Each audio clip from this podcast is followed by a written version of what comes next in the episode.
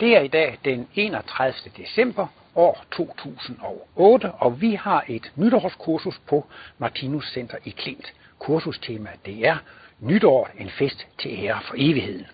Og øh, jeg har lige holdt et foredrag om, kan evigheden forstås, som blandt andet også handlede om analysens begyndelse 0x, som er omtalt i bogen, den sidste bog af Martinus, den intellektualiserede kristendom, stykke 134-135. Desværre så lykkedes indspillingen af foredraget ikke, men øh, nu vil jeg så prøve at se, om det vil lykkes for mig at få indspillet spørgetimen, som følger umiddelbart efter. Og ellers så må jeg så benytte lejligheden til at sige, godt nytår 2009. Ja, så er jeg klar til øh, spørgetimen. Jeg kunne godt tænke mig at spørge, hvordan ser man på, at det på den ene side er intuition, og på den anden side er det videnskab? Det vil jeg gerne prøve på at svare. Ja, det er jo det, at øh, når Martinus han taler så meget om intuition, ikke sandt, at sige noget, det kan kun erkendes intuitivt, og øh, hvad så med intelligensen og så videre, fordi at det skulle jo også gerne være videnskab. Kan man virkelig kalde det videnskab, når det ikke er baseret på intelligens, men baseret på intuition? Sådan lidt i den stil opfatter jeg det. Og det er jo også lidt af et mysterium, og det er jo det store, den store forskel på åndsvidenskab og øh, Øh, naturvidenskab, ikke sandt? Og åndsvidenskaben, den øh, beskæftiger sig med meningen med livet, med helheder og store sammenhænge på universiteterne er det jo sådan, nu er jeg selv biokemiker, ikke? og mine gamle holdkammerater, de forsker jo i små detaljer, de graver sig ned i mindre og mindre detaljer, og de er også meget materialistisk indstillet, ikke sandt? Så har man fundet længden på en ny dobbeltbinding, eller fundet en ny struktur i et molekyle, og øh, så man kan næsten sige, jo, jo større videnskabsmand man er, jo mindre detaljer har man gravet sig ned i. Og det gør jo faktisk også, at man ikke får øh, øje for, for helheder og, og sammenhænge og så videre. Ikke? Øhm, jeg har jo selv skrevet den her bog om Martinus, Darwin og intelligent design, ikke sandt? Og øh, der er det jo så netop naturvidenskaben, de vil ikke se større helheder, de vil ikke se mening. Hvis man taler om, at evolutionen har en mening, at den har en hensigt, at den har et formål, at der er en plan, det bliver simpelthen bare betegnet, det er ren religion, det er ren religiøs. Altså inden for den materialistiske naturvidenskab, der skal det kunne vejes og måles, ikke? Og det vil sige, at man opererer overhovedet ikke med, at udvikling kan have en mening, at det kan have et formål, at der kan være en plan, det er fuldstændig udelukket. Og det er så det, jeg kalder, det er jo det at se, at der er større sammenhæng, at der er idé og planer bagved det. Og Martinus' egen uovertruffende, synes jeg næsten, billede på forskellen mellem åndsvidenskab og naturvidenskab, det er, at man tager en bog. Og så stiller vi to personer til at læse den her bog. En øh, analfabet og en, der kan læse. Men hvis de begge to er normalsynet, ikke, så viser man dem en side i bogen. De kan se tegnene lige godt begge to. Det er helt klart, de, de er normalsynede. de kan se bogstaverne begge to. Men den ene kan se, at det er et meget smukt digt, som er skrevet her. Og den anden ser det altså bare som tryksvært, og kan ikke se nogen mening i det. Ikke? Og der mener Martinus altså, så længe man bare måler og vejer, og kun kigger på den ydre fysiske form, så får man ikke meningen i det. Så han mener faktisk, at naturvidenskaben står over for livet, ligesom en analfabet står over for en tekst. Eller altså, hvis det drejer sig om mig, hvis du gav mig en kinesisk eller en arabisk tekst, jeg vil ikke kunne se indhold, jeg vil ikke kunne se meningen i det, men det er altså en usynlig mening bag bogstaven, som ikke kan veje som måles, men den er der alligevel. Men så er der så naturvidenskaben for at være på den sikre side, jamen vi kan ikke måle og veje meningen, så er den der altså ikke. Det er så altså, de har defineret en arbejdsmetode. Og ud fra den, så må man sige, at så længe de holder sig til deres arbejdsmetode, og holder sig inden for det felt, som er defineret af deres arbejdsmetode, så er de fuldstændig suveræne, og alt er fuldstændig rigtigt og korrekt. Og Martinus roser jo også naturvidenskaben for at være den hellige ånd i fostertilstand. Naturvidenskaben, de repræsenterer jo det, at man er sandhedssøger. Man vil til hver en pris have sandheden, og sandheden skal dokumenteres. Og det har været give et kolossalt løft for menneskeheden ud af middelalderens overtro, så det er et kæmpe fremskridt, ikke? og man ikke godtager noget før, før. Men så er det så bare, Martinus siger, i kraft af, at de har en bestemt arbejdsmetode, ikke? så har de begrænset arbejdsfeltet, så det netop ikke er teorien om alting. De har lukket noget ud, og det er jo så netop livets mening og formål og hensigt, og de planer og de idéer, og det design, der måtte være bagved, det unddrager sig at blive målt og vejet. hvis nu man skulle dyrke den her øh, analogi, så kan analfabeten måle bogens højde, længde, bredde, kan tælle antal sider, kan se, hvor mange A og B og C, og der er, hvor mange punktummer og komma og udråbstegn der er. De kan opløse tryksværten og finde ud af, hvilke grundstoffer der er i tryksværten. De kan undersøge papirfibren i elektronmikroskop, og øh, de kan lave en masse ting, men man kommer ikke indholdet i bogen, meningen med bogen, en pind nærmere ved alle de der øh, materielle ting. Og så skal jeg så lige sige, altså, at Martinus gør gældende, at han har en intuitiv sanseevne, og at det, han har skrevet, er baseret på sansning. For det er jo en af grundvolden i naturvidenskaben. Man skal kunne bekræfte sine resultater med sansning. Altså med måling og med sansning. Ikke? Det er jo et naturvidenskabeligt princip. Og det går Martinus også ind for. Og Martinus siger, at hans værk er ikke udtryk for spekulation, eller filosofi, eller det er udtryk for, at han har kunnet opleve det. Og så er det jo inden for naturvidenskab, at det skal være, øh, resultaterne skal være reproducerbare. Altså, resultaterne skal også kunne kontrolleres af andre. Hvis det er en, man kommer med en teori med, med, med tyngdeloven, hvor hurtigt et lod falder til jorden, så er det en, der har det. Det duer ikke, hvis det kun er én videnskabsmand, der kan få det til at lykkes. En hver skal kunne få det til at lykkes efter disse opskrifter. Ikke? Og der er så problemet med Martinus' åndsvidenskab. Den er i princippet, ligesom man vil inden for naturvidenskaben, ifølge Martinus selv, baseret på sansning. Men efter Martinus, så er det ikke andre på kloden lige nu, der har kosmisk bevidsthed. Derfor er det lidt svært at tjekke ham, fordi at der er ikke andre, der kan gå ind og opleve det samme og se, var det nu rigtigt eller forkert, det, det, han, det han oplevede. Men øh, Martinus siger, han havde en evne til at opleve de evige livslove, de evige principper. Han sagde, at hans intuitionsevne gav ham adgang til vidensocean. Han fik adgang til al viden. Og nu kommer vi så til en interessant kobling mellem intuition og intelligens. Så siger Martinus, han oplevede intuitivt ganske hurtigt og klart den evige sandhed. Han sagde også, at sandheden kom til ham i en ordløs form, i en farveløs form. Det er meget svært at forestille sig, hvordan det fungerer. Men han kunne altså opleve sandheden. Han kunne opleve, hvordan det hele var, uden at der var sat ord på det. Uden der... Det var intuition. Det var intuitionen. Men så siger han, så, så var det jo så hans opgave at sætte ord på det, han havde oplevet. Og for eksempel altså sætte danske ord på det, fordi han blev født i Danmark og skulle sætte danske ord på det. Og så siger han så, at hans opgave bestod i at gøre intuitive sandheder tilgængelige for almindelig jordmenneskelig intelligens. Altså, og det er så det, han kalder for kosmiske analyser. Han havde altså facitet. Ligesom dengang jeg gik på en privatskole i Horsens, så skulle vi købe vores lærebøger privat i et antikvariat. Og så en gang imellem, så fandt vi jo en faseliste til regnebogen. Det var et kub af den anden verden. Fordi da jeg gik i skole, var der faseliste til alle regnebøger, men det var kun læreren, som havde en, en faseliste. Og det var snyd at kigge i faselisten, når man skulle lave et regnestykke. Men man kan så sige, at altså på den måde, så har Martinus altså snydt lidt, fordi han har kigget i faselisten. Og så er det faktisk først bagefter, at Martinus opstiller regnestykket. Og det siger så, jamen kan I godt se, hvis I tager 2 og lægger 3 til at dividere med tre og fire, så når I til det resultat. Så det vil så sige, at det Martinus han har gjort, det er altså, at han så at sige tager læseren i hånden og gennemgår hele regnestykket på logisk og videnskabelig måde. At, jamen, kan I ikke se, der er et træ der, et hus der, og så argumenterer han med ting, vi kan opleve, og har så, hvad han kalder en analyserække, hvor han gennemgår altså et regnestykke. Han laver en række logiske slutninger, og det starter med det, vi alle sammen kan være enige om at jagtage, og så slutter han med det facit. Men det er sådan lidt bagvendt, for Martinus startede med facitet, og så opfinder han sådan set regnestykket bagefter, når han vil forklare den sandhed. Så kommer han på, at det skal forklares ved den her analyse. Så jeg synes, det er sådan en fabelagtig formulering, han har, at de sandheder, han har oplevet intuitivt, skulle han gøre tilgængelige for almindelig jordmenneskelig intelligens. Og det tog ham så at sige 60 år at skrive det ned, for han var 30-90 år, arbejdede han med de her ting, men altså i løbet af tre år havde han total overblik over hele verdensbilledet. Han havde fået det hele til at, at falde på plads. Så det største arbejde var ikke at få det hele til at falde på plads og få den intuitive erkendelse af det.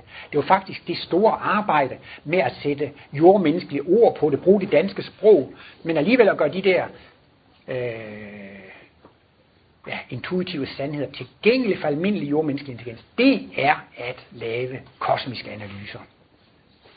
Ja. Øhm, jeg vil gerne høre om, øhm, i forhold til X1 og X2 og X3, om der skal være noget bestemt forhold mellem dem, for at det giver liv, eller det er det hele. Ja. Og så det andet, det er, findes der noget, som ikke er liv? Ja.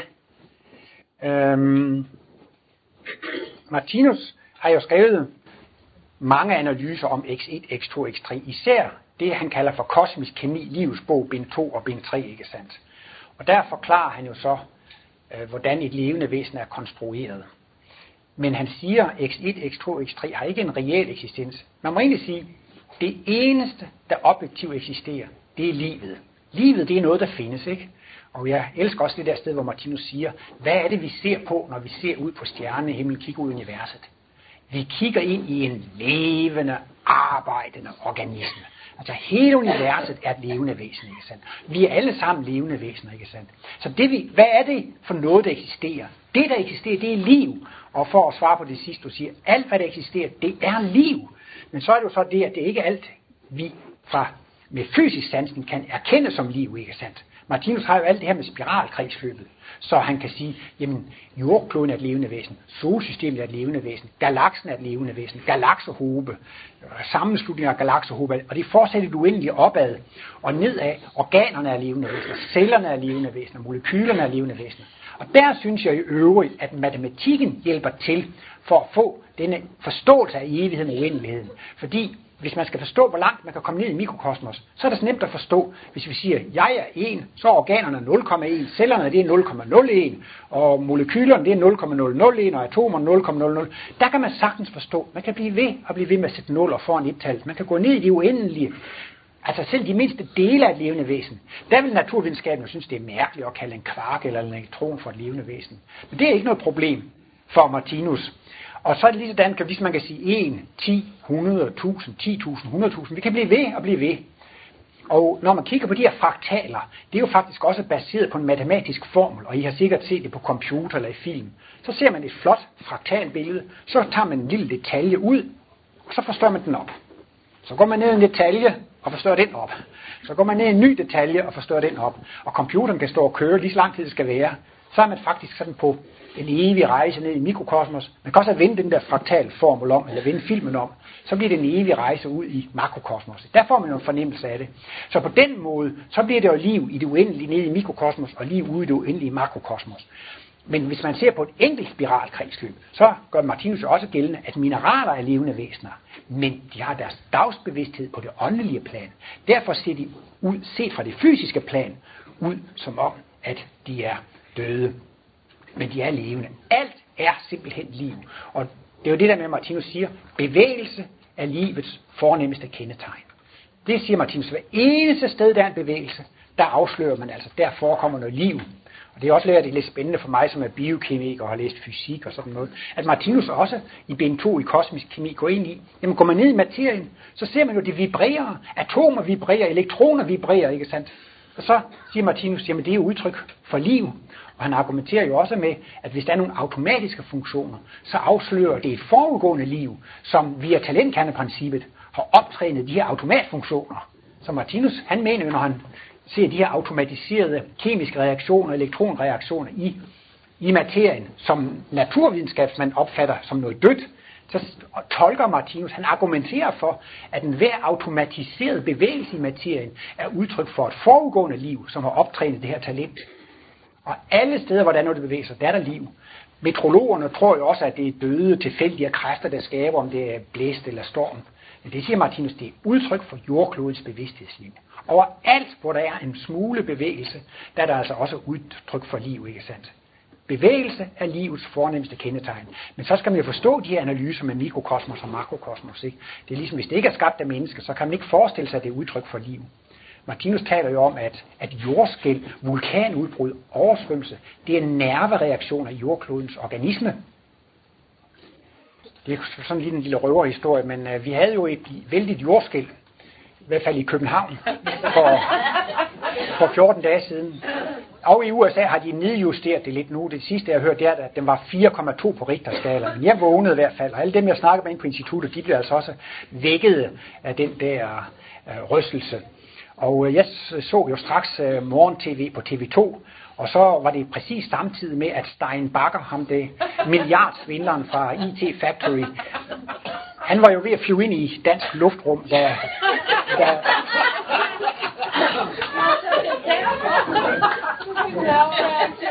Martinus siger jo netop, at, at jordskæld og vulkanudbrud, det er udtryk for nervereaktioner. Alle danskere var optaget af det. Der har været 5 millioner danskere, der var optaget af det. Det vil jo så sige, at så er der sådan en del af jordklodens hjerne, som er optaget af det. Og det har givet sådan en lille nervereaktion. Martinus har også forklaret, hvordan at i solsystemet er et levende væsen, hvordan der kommer magnetiske storme ind over jordkloden, det tror mennesker heller ikke er udtryk for liv. Men Martinus har sådan i nogle af de der foredrag, vi har hørt på bånd, forklaret, at når der går en magnetisk storm ned over jordkloden, så giver det jo et nordlys. Men hvis folk har et svagt hjerte, kan de risikere at dø under sådan en magnetisk storm fra solen. Eller hvis folk har et meget svagt nervesystem, så kan de blive helt svimle og dårlige, og en tjener, han kan måske miste bakken, og det hele ramler, fordi men, siger Martinus, hvis man har et normalt ligevægtigt og stærkt nervesystem, så bliver man ikke påvirket af det. Men han siger, Disse magnetiske storme er udtryk for solsystemets tankekraft, at de virker ind på, på jordkloden. Så jeg har lige været ved at skrive en lille notits til Kosmos om Steinbacher og jordskælvet. Så nu får jeg se, om den slipper igennem nåleøjet. Ellers har jeg også en anden lille jordskældshistorie. Og det var, at øh, Martinus har på et tidspunkt skrevet et brev til Krishnamurti. Fordi Krishnamurti han øh, blev udråbt til at være verdenslærer. Og så hørte Martinus et foredrag af Annie Besant, inde i Otfellopalæet i København om, at han skulle være verdenslærer. Og så fik Martinus en meget stærk åndelig impuls til, at han skulle skrive et brev til Krishnamurti. Martinus brugte ligefrem vendingen, jeg fik ordre til at skrive dette brev. Og der skriver han så et brev til Krishnamurti, hvor han forklarer, at den nye verdenslærer, den vil komme til at udgå fra Danmark af. Og han øh, forklarer også for Krishnamurti, at det ville måske være en god idé, at han lærte sig dansk, fordi det ville måske være en meget stor nytte og gavn for, for fremtiden. Men det var et meget kærligt og et meget elskværdigt brev, og det var ikke sådan, han lærte pres eller, eller, eller noget.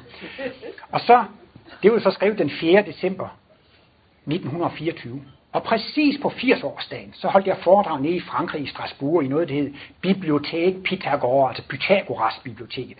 Et esoterisk bibliotek med med 5.000 bøger. Der var en halv meter om Krishnamurti. Og så ville jeg prøve at finde ud af det der med Krishnamurti. Erklærede han sig virkelig som verdenslærer, eller, eller gjorde han ikke, eller, eller var de andre, der sagde, at han var, at han var verdenslærer, ikke? Og han blev jo udråbt til det allerede som 14-15 år, ikke sandt? Men da han så begyndte at blive 30 år, så begyndte man alligevel at være lidt spændt på, om der snart skete noget.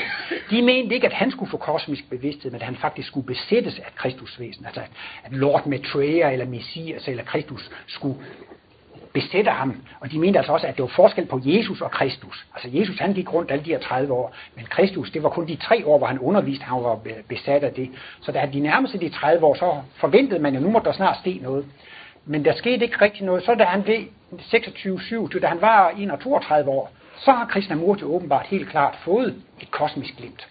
Der var der så også ligesom jeg nævnte for dig, han sagde, jeg er nu blevet forenet med den, højst elsk, den højt elskede. Og nu har jeg altså fundet friheden, jeg har fundet befrielsen, jeg har mødt den. Og jeg kunne ikke sige det før, men nu kan jeg sige det. Jeg er verdenslæreren. Og så rejste han sig rundt i 1927 og begyndelsen af 28 som verdenslærer over i Kalifornien, havde han 16.000 tilhører i Hollywood Bowl, og der var vist 12.000 i London og 5.000 i Paris. Han rejste altså triumfalt rundt i verden og øh, var, var, var, var verdenslærer. Men så altså i 1928, så, så, så frasagde han sig altså den der rolle som, som verdenslærer. Nå, men nu kommer vi til røverhistorien. Jeg sad og studerede alt det der om Krishnamurti for at finde ud af det her med Martinus og verdenslærerproblematikken. Og så om natten, så kom der et jordskæld. Og så sagde jeg til mig selv, det er jordklodvæsen, som sender mig en lille hilsen, fordi at jordkloden sætter pris på, at jeg er ved at sætte mig ind i verdenslæreproblematikken. Fordi det er jo alt sammen nervereaktioner, så det er måske ikke alle jer, der kan høre, hvad sådan der sker, men jeg prøver på at træne mig op til at forstå, hvad det er, der sker, når der kommer sådan et jordskæld, og prøve at sætte mig lidt ind i, hvad det er jordklodvæsenet, det, øh, det tænker. Nå, men det var en lille udflugt fra det her spørgsmål med, med, med livet. Jeg vil bare lige runde af med, Martinus siger så tit, at X1, X2, X3, det er de tre forudsætninger for, at et noget kan fremstå som et levende væsen. Og det er altså ligesom, der er den noget, som har en evne til at bruge materien. Noget, som har en evne til at bruge materien. Ikke? Altså, der skal være en materie, som skal kunne sættes i bevægelse. Ikke? Det vil altså sige, at der skal være noget, som har en evne til at håndtere den her materie, så den kommer i bevægelse. Ikke? Men altså, det er ligesom der er forskel på opleveren og en oplevelse. Oplevelsen og en oplever, det er ikke det samme. Det er en oplever, som har en oplevelse. Ikke? Så, så på den måde siger Martinus talrige gange, forudsætningen for, at noget kan fremstå som et levende væsen, det er, at de her tre principper skal være der. x1, x2, x3. Nej, det var for Lene markerede. Nej, det var også bare en røverhistorie. Ja. Så jeg hørte, at den der børne julekalender, der har været, og Guldkorn, Ja. Som handler om, hvordan et samfund smadret på en uge på grund af, at, at inflationen stiger på Ja. pludselig har en million. Den skulle have været vist sidste år. Ja.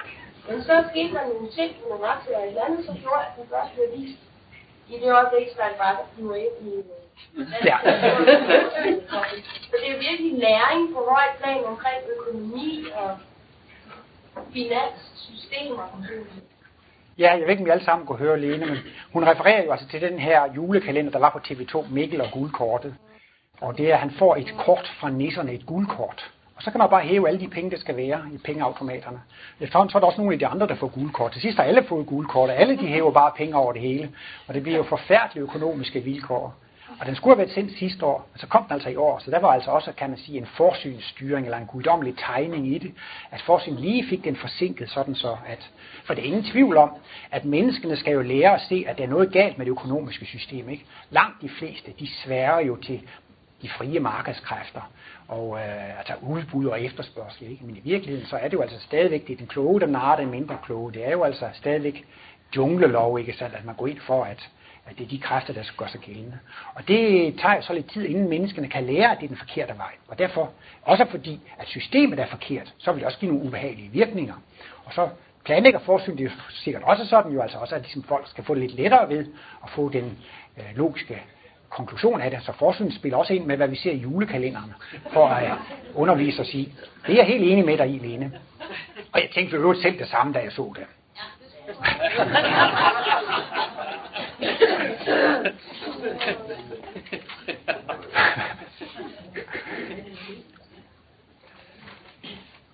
Da der var en, der markerede noget derovre. Ja. Du talte før om, at materien skulle være der for at opleve livet. Øh, når du taler om materien, taler du så også om energierne. Ja, Har du dem med som materie? ja. Det gælder om at være klar og udtrykke sig meget præcist. Øh, men det gælder selvfølgelig begge dele. Det, øh, jeg har været meget optaget af og beskæftiget mig meget med, det var jo netop det her med selve udviklingen. Ikke? Og der er jo så, den materialistiske videnskab mener, at udviklingen finder sted, fordi der sker noget i den fysiske materie. De mener altså, at det er den fysiske materie, som producerer livet og som producerer bevidsthed. Man mener, at livet er opstået ved en tilfældighed. At først har der været noget dødt fysisk materie. Der har været noget dødt fysisk materie. Og så ved en tilfældighed, så er livet opstået. Ergo er det den fysiske materie, som har produceret bevidsthed. Og man mener også, at det er den fysiske hjerne, som producerer bevidsthed. Hvis nu for eksempel man taler fransk eller tysk, så er der nogle visse hjernecentre, der er i, øh, der bluser op. Man kan jo sætte sådan elektroder på og måle, hvilke dele af hjernen. Hvis man så tænker på sex, så er det et andet hjernecenter, som bluser op. Og hvis man så tænker på at spise, så er det et femte hjernecenter. Og så, det er klart, at der er en korrelation imellem øh, det, man tænker på at beskæftige sig med, og hvilke hjernecentre, der er aktive. Men de er ikke vist, at der er et årsagsforhold. Men de er så sikre på, at det er den rent fysiske hjerne, som producerer tankerne. Ikke? Altså det er den fysiske materie. Ikke?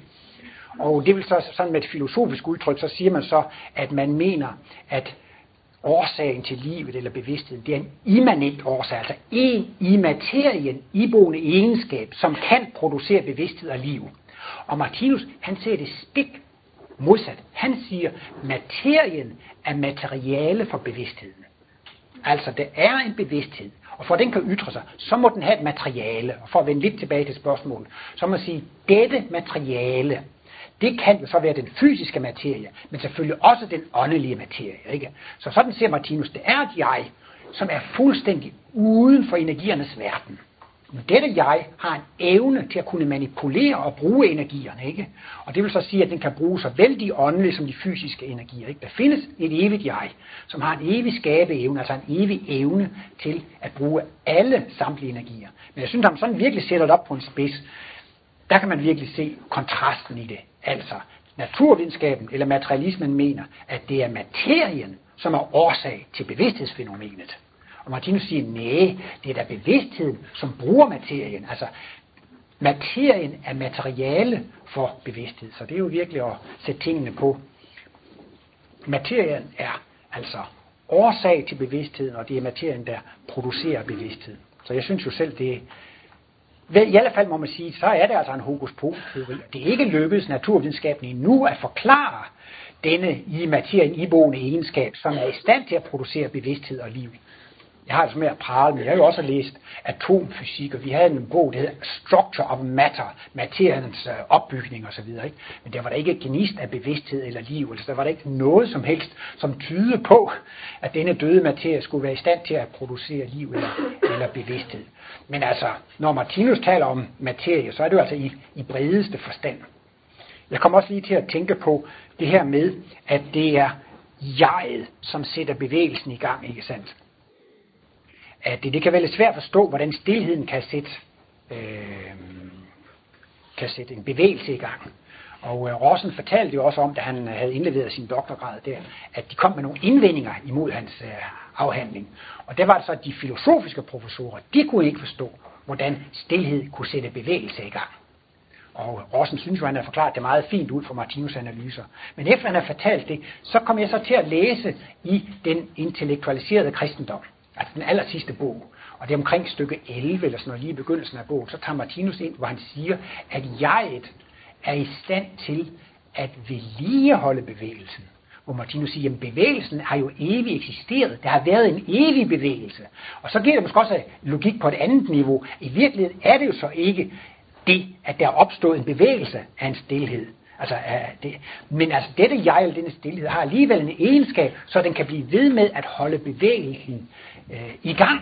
Og det er jo også det der med, altså, øh, det er noget med, altså, at man, øh, hvis man sanser, så går det indad. Man har en materie, og så har man en evne til at opleve denne materie. Så, så får man altså et indtryk. Og så bliver det filtreret igennem ens talentkerner, og en deres livskartotek, og så oplever jeg det, og bagefter så kan jeg give udtryk for det indtryk, der er fået, takket være dets øh, talentkerner, og så, så, så, så går det altså ud. Martinus har jo også i livets bog, bind 3, talt meget om jegets vending af energierne. Jeg tror, han bruger 80 sider på det, i forbindelse med livssubstans nummer 7 eller 8, jegets vending af energierne, hvordan energierne går ind og giver et indtryk, og bagefter kan de give udtryk for det. Det var også en gang, jeg lærte sådan en sjov så nu kan jeg ikke huske det, det skal ikke lige stedet, men jeg skal alligevel, det er noget med et kys. Det er et påtryk, som er et udtryk for et indtryk, som så også sætter et eller andet aftryk. Men hvis der er nogen af jer, der kan den lidt bedre, så, så vil jeg da gerne høre den. Et kys, det er et påtryk, der er udtryk for... Nej, det er et indtryk. Det er et indtryk. Det er et aftryk. Et, et indtryk, der giver sig udtryk med et aftryk, som påtrykkes af et eftertryk. Jo, ja. Der var de alle sammen. Men grunden til, at jeg var så... Det var da herligt. Da. Men det var bare det, at jeg så gerne ville have det med jegs vending af energierne. At den har mulighed for at give udtryk for det indtryk, den har fået. Ikke? Og det er jo det, der sker i det der cirkulation af, af, og igen, altså, for at vende tilbage til med, med energierne, ikke sandt? Det er i bredeste forstand, en hver bevægelse, den udtrykker altså en energi, en vibration, ikke sandt? Både fysisk og åndelig materie, ikke? Og så er der altså dette mærkelige, at jeg, som er uden for materien og energiernes verden, kan alligevel komme i kontakt med energiernes og, og, og, og materiernes verden og give udtryk for det indtryk. Det har både en skabeevne og en, en, en oplevelsesevne. Og det er så altså X2, som er dette bindeled, skabe evnen til at manipulere med materien. Ja. Øh, vi diskuterer meget i gruppe omkring lys og mørke. Ja. tales meget om, at, at, at vi udvikler os til lys. Ja. Og at hvor der er meget lys, er der også meget mørke. Altså en eller anden tro på, at der er en balance mellem de to ting. Kunne forestille sig, at det er fordi man er i stand til at holde sig jeres balancepunkt. Ja. Man kan klare den store livsoplevelse. Og er det rigtigt, der er lige så meget lys, som der er mørke? Ja, der er altså blevet diskuteret i en studiegruppe meget om lyset og mørket. Og det drejer sig så altså om, øh, hvor meget lys man kan opleve, hvor meget mørke man kan opleve, om de kan være begge to på, på, på, på, på samme tidspunkt. Jeg kan ikke lige huske alt uh, spørgsmålet, men jeg ved godt, hvad jeg vil svare. Det var også en englænder engang, som altid sagde, det har jeg også lidt med foredragene, han, han sagde, at, at, at titlen det, fik ikke nogen indflydelse på det, han ville sige. Han sagde, uh, the, I, I, the, so, i, don't engang huske det. Don't let the su- I don't let the subject interfere with what I want to say. Jeg, jeg lader altså ikke emnet uh, spille ind på, hvad der var, jeg havde lyst til at sige. Jamen, det er jo mig lidt over, at jeg ikke kunne, helt kunne referere det hele, men jeg ved godt, hvad jeg vil svare. Og det er, at der findes to forskellige måder at se på det med lyset og mørke. To forskellige ting. Uh, man kan sige, at der eksisterer to ting. Der eksisterer noget lys, og der eksisterer noget mørke. Men man kan også se det på en anden måde, at al livsoplevelse er en evig vandring imod lyset. Og der har Martinus det argument, at alt det, man længes efter, det opleves som lys, når man får det opfyldt. Vi har så mange ønsker, længsler og begær. Og det er en tilfredsstillelse, det er en nydelse at få det opfyldt. Ligesom hvis man er sulten, så er det en nydelse at spise, og hvis man er tørstig, er det en nydelse at drikke. Det er en nydelse og en fornøjelse at få ønsker, længsler og begær opfyldt. Men hvis man så skal have et stykke otello-lavkage, og man skal spise to stykker, og tre, og fire, og fem stykker, så får man jo kvalme og kaster op til sidst, fordi man er blevet mæt af det. Alt, hvad man er mæt af, fremstår som mørke, og det er man træt af. Og derfor kan Martinus så se det på den måde, at alt det, der ligger i fortiden, det er man mæt af, og det er mørke. Og det har man så, alt er styret af loven for tiltrækning og frastødning. Alt det, man er midt af, det frastøder man.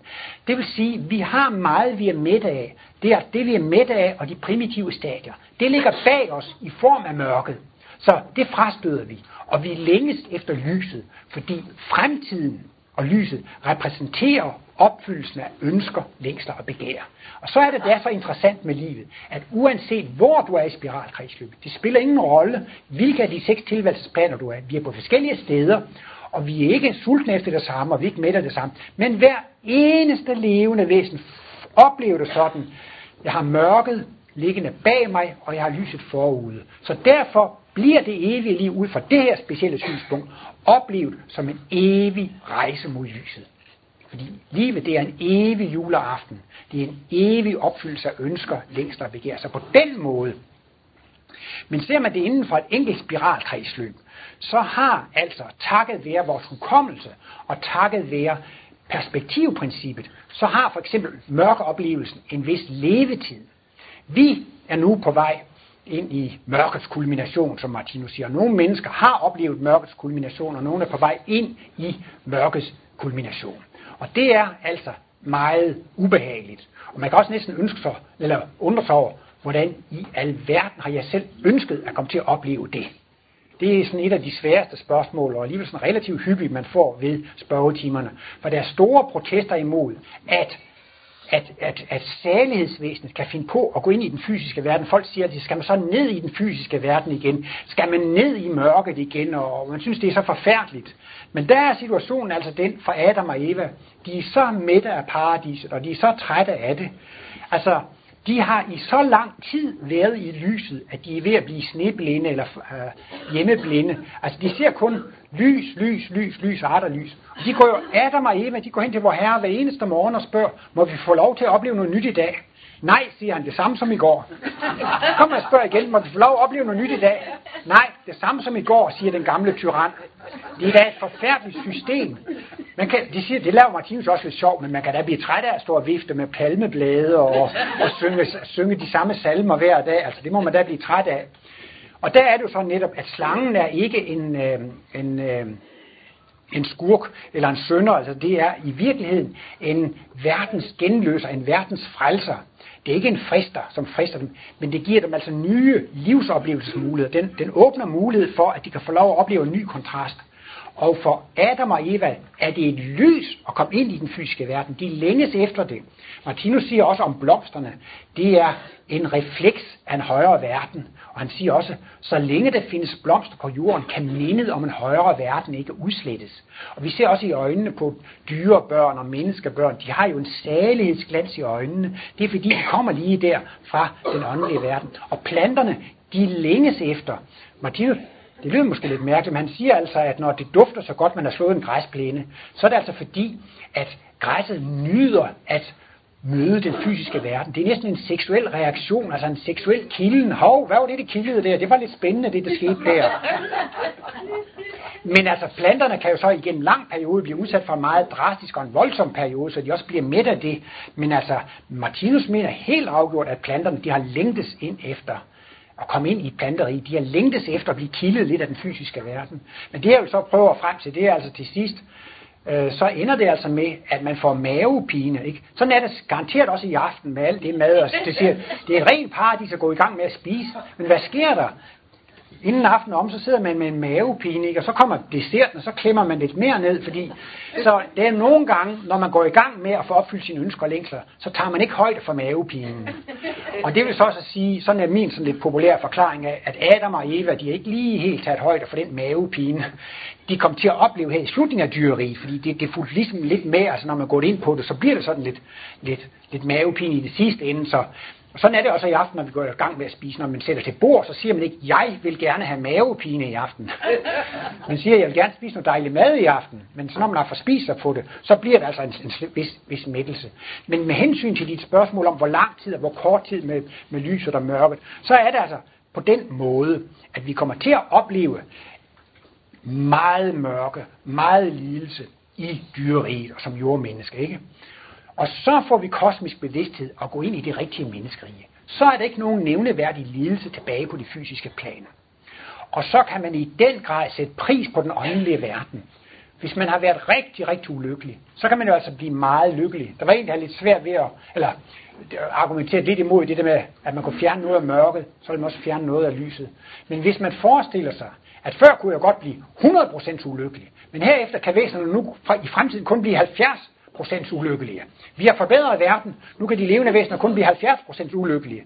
Men det vil have det resultat, at i fremtiden kan væsener kun blive 70 procent lykkelige i forhold til, de kunne før. Og så argumenterer Martinus for, så er det jo faktisk en forringelse af, af livet. Så netop på baggrund af al den smerte og lidelse, vi har haft, så nyder man altså livet. Jeg synes alligevel, det er lidt interessant at høre, når der kommer nogle flygtninge til Danmark fra nogle krigsramte områder, ikke? Så siger de, hvad er det dejligt, at det ikke er nogen, der går rundt med, med, med våben i gaden og skyder. Ja, det er selvfølgelig nødt ved at være over i København også. Men, men det er interessant at høre, at nogle ting, som vi er helt blinde for, det oplever de som noget fantastisk vidunderligt. Vi er sådan ligesom blevet lidt blinde, eller lidt hjemmeblinde, eller lidt, lidt vant til, at her er stille og fredeligt og roligt. Men hvis man lige kommer fra et sted, hvor det er været krig, så kan man altså sætte pris på det. Når vi så kommer ind i det rigtige menneskerige, så har vi en vældig kontrast alt det smerte og lidelse og sygdom, vi oplever, det, ikke sandt, gør, at vi synes, det er så paradisisk i den åndelige verden. Men Martinus gør gældende, at for al livsoplevelse er der et perspektivprincip. Og lige når vi træder ind i den åndelige verden der, så opleves smerten jo som om den er tæt på. Ligesom træerne og telefonpælene vejen, de er meget store tæt på. Men jo længere de kommer væk, jo mindre bliver de. Og så sker der også det med den mørke kontrasten i løbet af et spiralkredsløb, at jo længere tid jeg er i det rigtige menneskerige, så bliver, ligesom altså træerne, jo længere vi kommer ud mod horisonten, jo længere tid der går, så bliver mørkeoplevelsen perspektivisk mindre og mindre. Hvilket gør altså, at vi, vi, vi, vi, vi kan egentlig nyde det mest lige i starten, fordi der er jo den største kontrast, der fylder mørket en stor del i vores bevidsthed. Men på grund af perspektivprincippet, så vil i den åndelige verden gradvis på grund af perspektivprincippet, denne mørke oplevelse, vi havde i den fysiske verden, den bliver mindre og mindre og mindre og mindre og mindre og mindre. Og så er det altså til sidst, så, så er det altså 99% lys, eller 99,9% lys, og så er man lige ved at blive blindet eller blindet, ikke sandt? Og så er det så altså, at, at det vender. Og øh, det nærmeste, man kommer en forklaring, det er jo det der med Adam og Eva. Det bliver simpelthen for monotont. Det bliver så, man bliver en kærlighedsrobot, man bliver en kærlighedsmaskine. Det går fuldstændig automatisk, når man har gentaget det samme hele tiden. Derfor er det en enorm øh, befrielse, og det var altså enormt spændende for Adam og Eva at få nye livsoplevelsesmuligheder. Ikke? Så det interessante er, en og samme ting kan af nogle mennesker opleve som det værste mørke, og andre som det største lys. Så hvad der er mørkt og lys, afhænger af det levende væsens position i udviklingskredsløbet. Det er jo også klart, at hvis man er ved at drukne i en sø, så er vand jo et helvede. Og hvis man vandrer rundt i Sahara og ikke har noget vand, så er vand jo paradis. Er vand godt eller skidt? Jamen det afhænger af, hvor man står, hvad for en situation man står i. Men det, det der så er det skønne og det dejlige ved kosmologien, det er så det, at livet er i virkeligheden en evig vandring mod lyset. Problemet er bare det her med tålmodigheden. Vi vil jo gerne se, at alle vores ønsker bliver opfyldt i dette liv. Og så siger Martinus et sted, at vi har alligevel lyst til at reinkarnere. Det kan også nogen, der kan undre sig over, ligesom med spiralkreds, når vi nu dør, så kommer vi over i en skøn åndelig verden. Hvorfor i alverden vil vi tilbage til den fysiske verden? Det er da tåbeligt, når vi nu har det så godt over i den åndelige verden. Men det skyldes, at vi har uopfyldte ønsker og længsler, som kun kan opfyldes i den fysiske verden. Jeg ved ikke, jeg har sikkert også set alle de her skytsengle-film, ikke sandt? Så, hvor der er en eller anden skytsengel, som bliver, kommer ned på jorden og går rundt og forelsker sig og sådan noget. Ikke? Og det, man kan ikke rigtig få en ordentlig forelskelse op i de åndelige verden. Der skal man ned, der skal man ned i en fysisk krop. Og for den sags skyld også, hvis man har lyst til at feste og drikke sig fuld og få nogle cigarer og sådan noget. Det virker heller ikke rigtig over i den åndelige verden. Det kan man kun opleve i den fysiske verden. Der er nogle ting, de kan ikke opleves i den åndelige verden. Vi har nogle ønsker og længsler og begær, som kun kan opfyldes i den fysiske verden. Og derfor har alle væsener lyst til at reinkarnere igen, fordi de vil ned, har de der ønsker og længsler opfyldt, som de ikke fik før. Så altså, uopfyldte ønsker, længster og begær er de tynde tråde, der forbinder det ene liv med det andet liv. Så der er sådan lidt forskellige aspekter af det der med lyset og mørket. Ikke? Man kan sige, objektivt set, så kan man handle i overensstemmelse med livsloven, Martinus siger, at livsloven det er at være til gavn, glæde og velsignelse for levende væsener. Det er at praktisere næste kærlighed. Men vi er fri vilje, og vi kan også godt gå imod livsloven. Og netop for at sætte pris på livsloven, så skal vi kunne gå imod den. For at sætte pris på at være et med Gud og Guds eksistens, så skal vi altså også væk, væk fra Gud. Ikke? Så, så man kan godt sige, der findes måske et objektivt lys og mørke, ikke? Og det objektive lys, det er når man handler efter Guds vilje og næste kærlighedsloven, ikke? Så findes der så et objektivt mørke. Det er, når man handler i modstrid med livsloven, når man er til skade for andre, ikke? Men alligevel indefra, individuelt, subjektivt, så er det altså så vidunderligt, at det evige udvikling er en evig rejse mod lyset. Det er en evig tilfredsstillelse af ønske, længsler og begær. Men altså, der er en 100% balance mellem lys og mørke, ikke?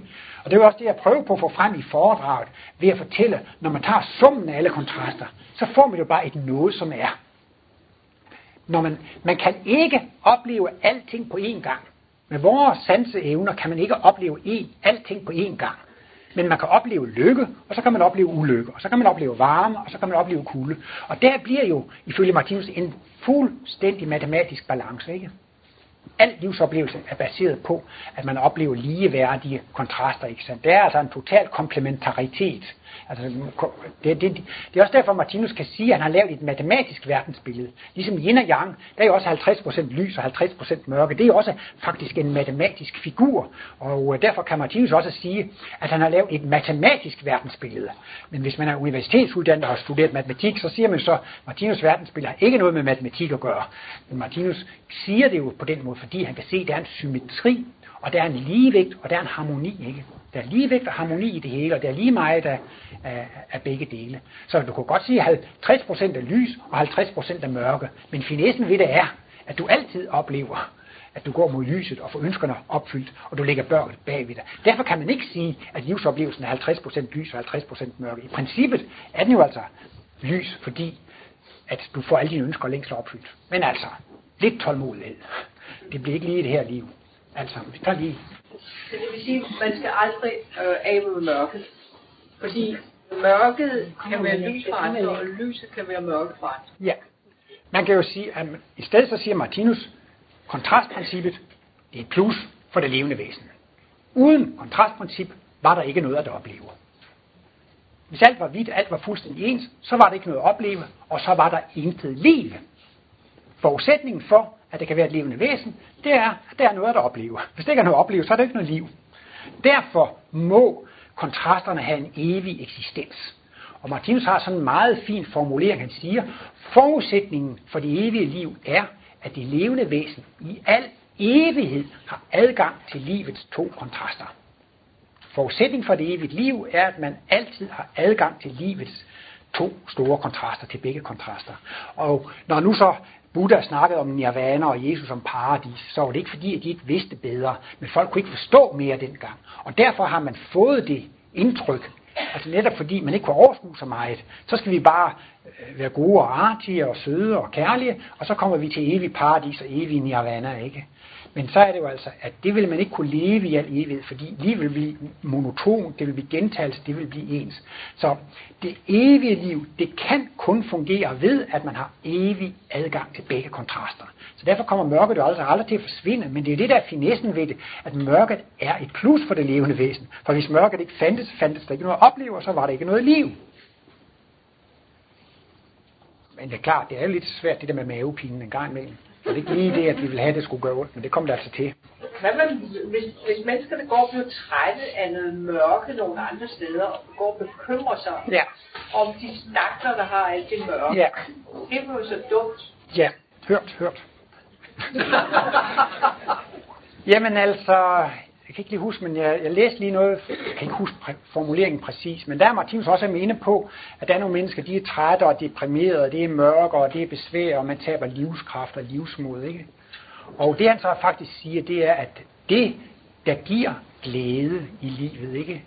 Det er det, at man kommer på sporet af, at der er en guddommelig styrelse bag det hele.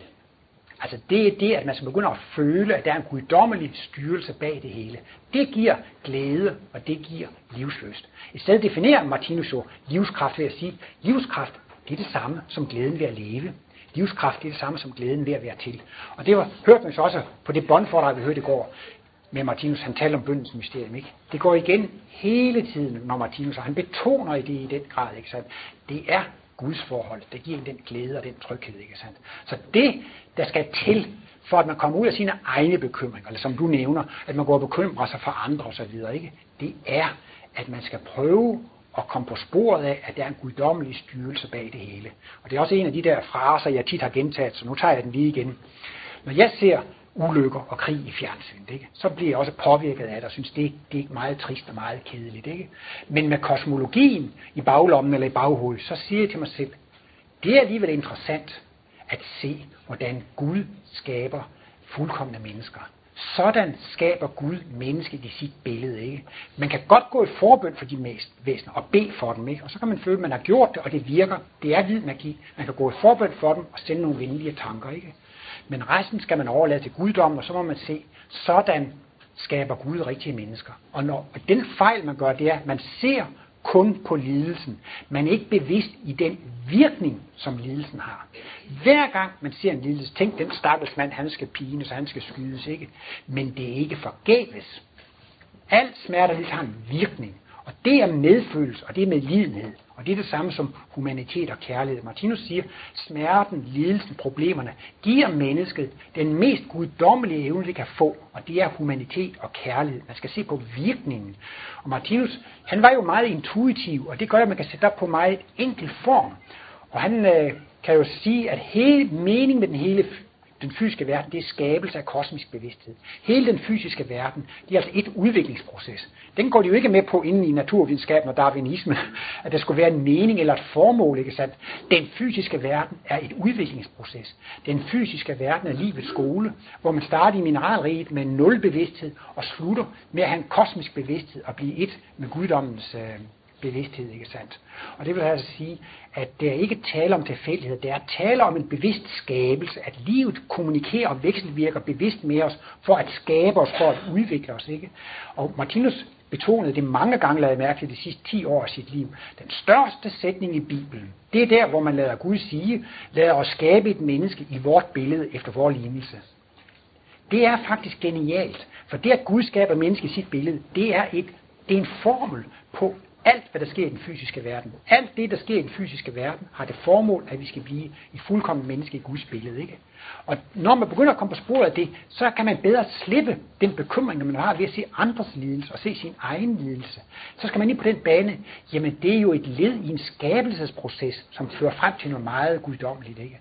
Så igen, det der med den mentale ligevægt, det er det samme svar hver eneste gang. Det er altså Guds forholdet, og efterhånden bliver det også en Martinus siger, bøn, det kan gøres til en videnskab. Og man kan selv lave eksperimenter med bøn. Han siger jo, Gud er jo ikke så smålig, siger, kan du så komme ned på knæ, kan du så få foldede hænder, kan du så bøje nakken? Og jeg vil ikke hjælpe dig, hvis du ikke tror på mig. Altså Martinus har, altså bønden har ganske bestemte love, og det er jo stort set det, at hvis man vil noget, som er til gavn for andre, og som er til gavn for en selv og sundhed, så bliver det hørt. Men hvis det er noget, som saboterer og skader andre, altså egoistisk, man tager flere ressourcer fra andre, så kan det selvfølgelig ikke. Øh, alt bøn, som går på, at man er til gavn og glæde for helheden og totaliteten, og til gavn og glæde for sine mikrovæsener osv., alt sådan noget, det bliver, det bliver altså bønhørt. Og det siger Martinus, det kan gøres til videnskab. Man kan selv eksperimentere med det. Og efterhånden, som man så prøver det og ser det, så får man jo vidshed for, at det fungerer. Og det kan være svært at overføre til andre, men det kan blive en indre, en indre vidshed. Man ved, at, at sådan, sådan fungerer det. Og netop hvis man ikke kender guddommen særlig godt, så kan man blive bekendt med guddommen ved at snakke meget med guddommen. Man snakker jo meget, hvis man snakker meget med et andet menneske, så bliver man meget fortrolig med vedkommende, og, og øh, man lærer et andet menneske godt at kende ved at have mange samtaler. Martinus har jo talt om også, at bønden har forskellige udviklingsstadier. Den starter med dyrets angstskrig, som er blind skrig efter hjælp. Og næste stadium, det er sådan lidt ligesom med, med børnene til jul og til fødselsdag. De skriver lange ønskesedler om ting, de vil have, og de gerne vil opnå. Og sådan er det så også, at mange mennesker har jo i de mere primitive stadier brugt bønden som en ønskeliste, at de vil gerne have de og de og de og de, de ting, ikke sandt? Men så begynder på lidt højere stadium, så beder man om at få kraft og styrke og energi til at tage sin skæbne. Og på et endnu højere trin, så begynder man at bede om at få vejledning til at gøre det mest kærlige. Også selvom det skulle være ubekvemt for mig. Det er jo det der med, at, at der er ingen kærlighed, der er større end den, der vil give sit liv for andre. Hvis man er villig til at ofre noget arbejde, noget, ubek- noget at ofre sin egen bekvemmelighed for andre, ikke sandt? Sådan en bøn får virkelig medvind, ikke sandt? Og netop når man har den indstilling, jeg vil gerne have at vide, hvad den bedste løsning er, og så selv det er lidt ubekvemt for mig, så siger Martinus, så er det ikke svært for en skytsengel at indpure den rigtige idé i ens hoved. Så efterhånden, så udvikler bønnen sig altså også til at blive en samtale med livet, en samtale med guddommen. Og til nogens overraskelse, så er det selve meningen med bønden, og det er det højeste trin på bønden, det er simpelthen bare det, at man bliver ven med Gud, og Gud bliver ens samtalepartner, at man kan snakke med Gud om tingene. Så der er man ikke ude i, at man skal have ting og opnå ting, ikke Så Der er der tale om, at man gerne vil leve i harmoni med livet, og man gerne vil leve i harmoni med Gud. Og Martinus siger, at man kan blive meget fortrolig med mennesker, men til sidst, så vil man føle, at man er mere fortrolig med Gud, end med noget andet menneske. Jeg har nogle gode venner, men det og det kan de ikke forstå, og det og det kan de ikke forstå. Men man kan føle sig forstået af, af, af Gud, ikke sandt? Og det betoner Martinus jo også, at han selv og at Jesus, de havde altså et 100% personligt gudsforhold. Der har også været nogen her kendt, der protesterer lidt over, hvordan kan man have sådan et evigt, uendeligt stort verdensalt? Hvordan kan jeg som sådan en lille flue få et personligt forhold til hele verdensaltet? Storm P. har jo i hvert fald sagt, at det er svært at lære en flue personligt at kende. og på samme måde kan man også sige, at det må være svært personligt at lære hele verdensaltet at kende. Men det kan man altså gøre. Og det Martinus jo også analyserer andre steder, det er jo det her med, at man kan se, det er en træningssag. Faktisk en talentsag se guddom i den ydre verden og i den indre verden. Og det, jeg har talt om her, det er jo bønden i den indre verden. Det bliver en intim samtalepartner. Men det kan også, man skal også være opmærksom på, at Gud taler til en i den ydre verden. Alt, som, alt det der andre mennesker og naturen, alt det, der sker for mig i den ydre verden, det er også Guds direkte tale til mig. Og begge steder er det altså et talentkernespørgsmål. Han har sagt, ligesom det er et talentkernespørgsmål at lære at spille klaver, så er det også et talentkernespørgsmål at få et godt øh, forhold til, til Gud, ikke sandt? Så bare for at vende tilbage til det, du spurgte om, altså det der med, med, med bekymringer og bekymringen for andre osv., man skal lægge det hele over i Guds hånd. Det er også et sted, han er så irriterende, og hvis jeg ikke siger det til ham, så får han det jo aldrig lært. Og se, nu gør han det der og det der forkert. Nu må jeg min sanden lige lægge sig ham lidt op eller forklare, for så får han det jo ikke lært. Det bliver man jo nødt til. Men øh, Martinus, han citerer tit noget fra det gamle testamente, hvor der står, hævner æder ikke i elskelige, til herren Gud skal betale. Altså det er skæbnelån og liv og så videre. Vi behøver slet ikke at bekymre os om alle de fejl og alle de dumme ting, som andre gør. Det skal livet nok ordne, det skal guddommen nok ordne.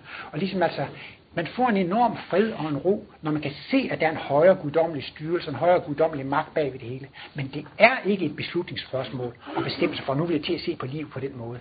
Det er talentkernespørgsmål.